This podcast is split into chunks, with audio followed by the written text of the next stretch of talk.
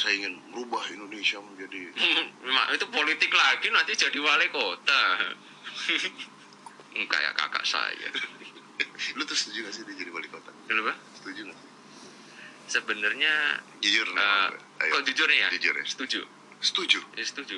Karena de- dengan di mana dia masuk ke politik, otomatis kan nanti kan perusahaan harus dipindahin juga kan. Bener nggak? lu pikir nggak? lu lu pikir Bener nggak di situ? publik- jadi lu satu-satunya Iya.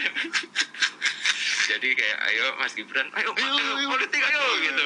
Terus oh nggak bisa punya perusahaan udah di- dikasih, Oh, iya. dikasih. Nah, Alhamdulillah namanya anak soleh kan kayak gitu. iya benar membantu Iya membantu. membantu bisnis keluarga iya benar Membantu bisnis keluarga untuk keuntungan sendiri. iya iya iya bagus nanti kalau dia udah nggak jadi wali kota atau berhenti dari itu ya kasih saham dikit aja lah Ya enggak lah kan udah secara hukum punya saya.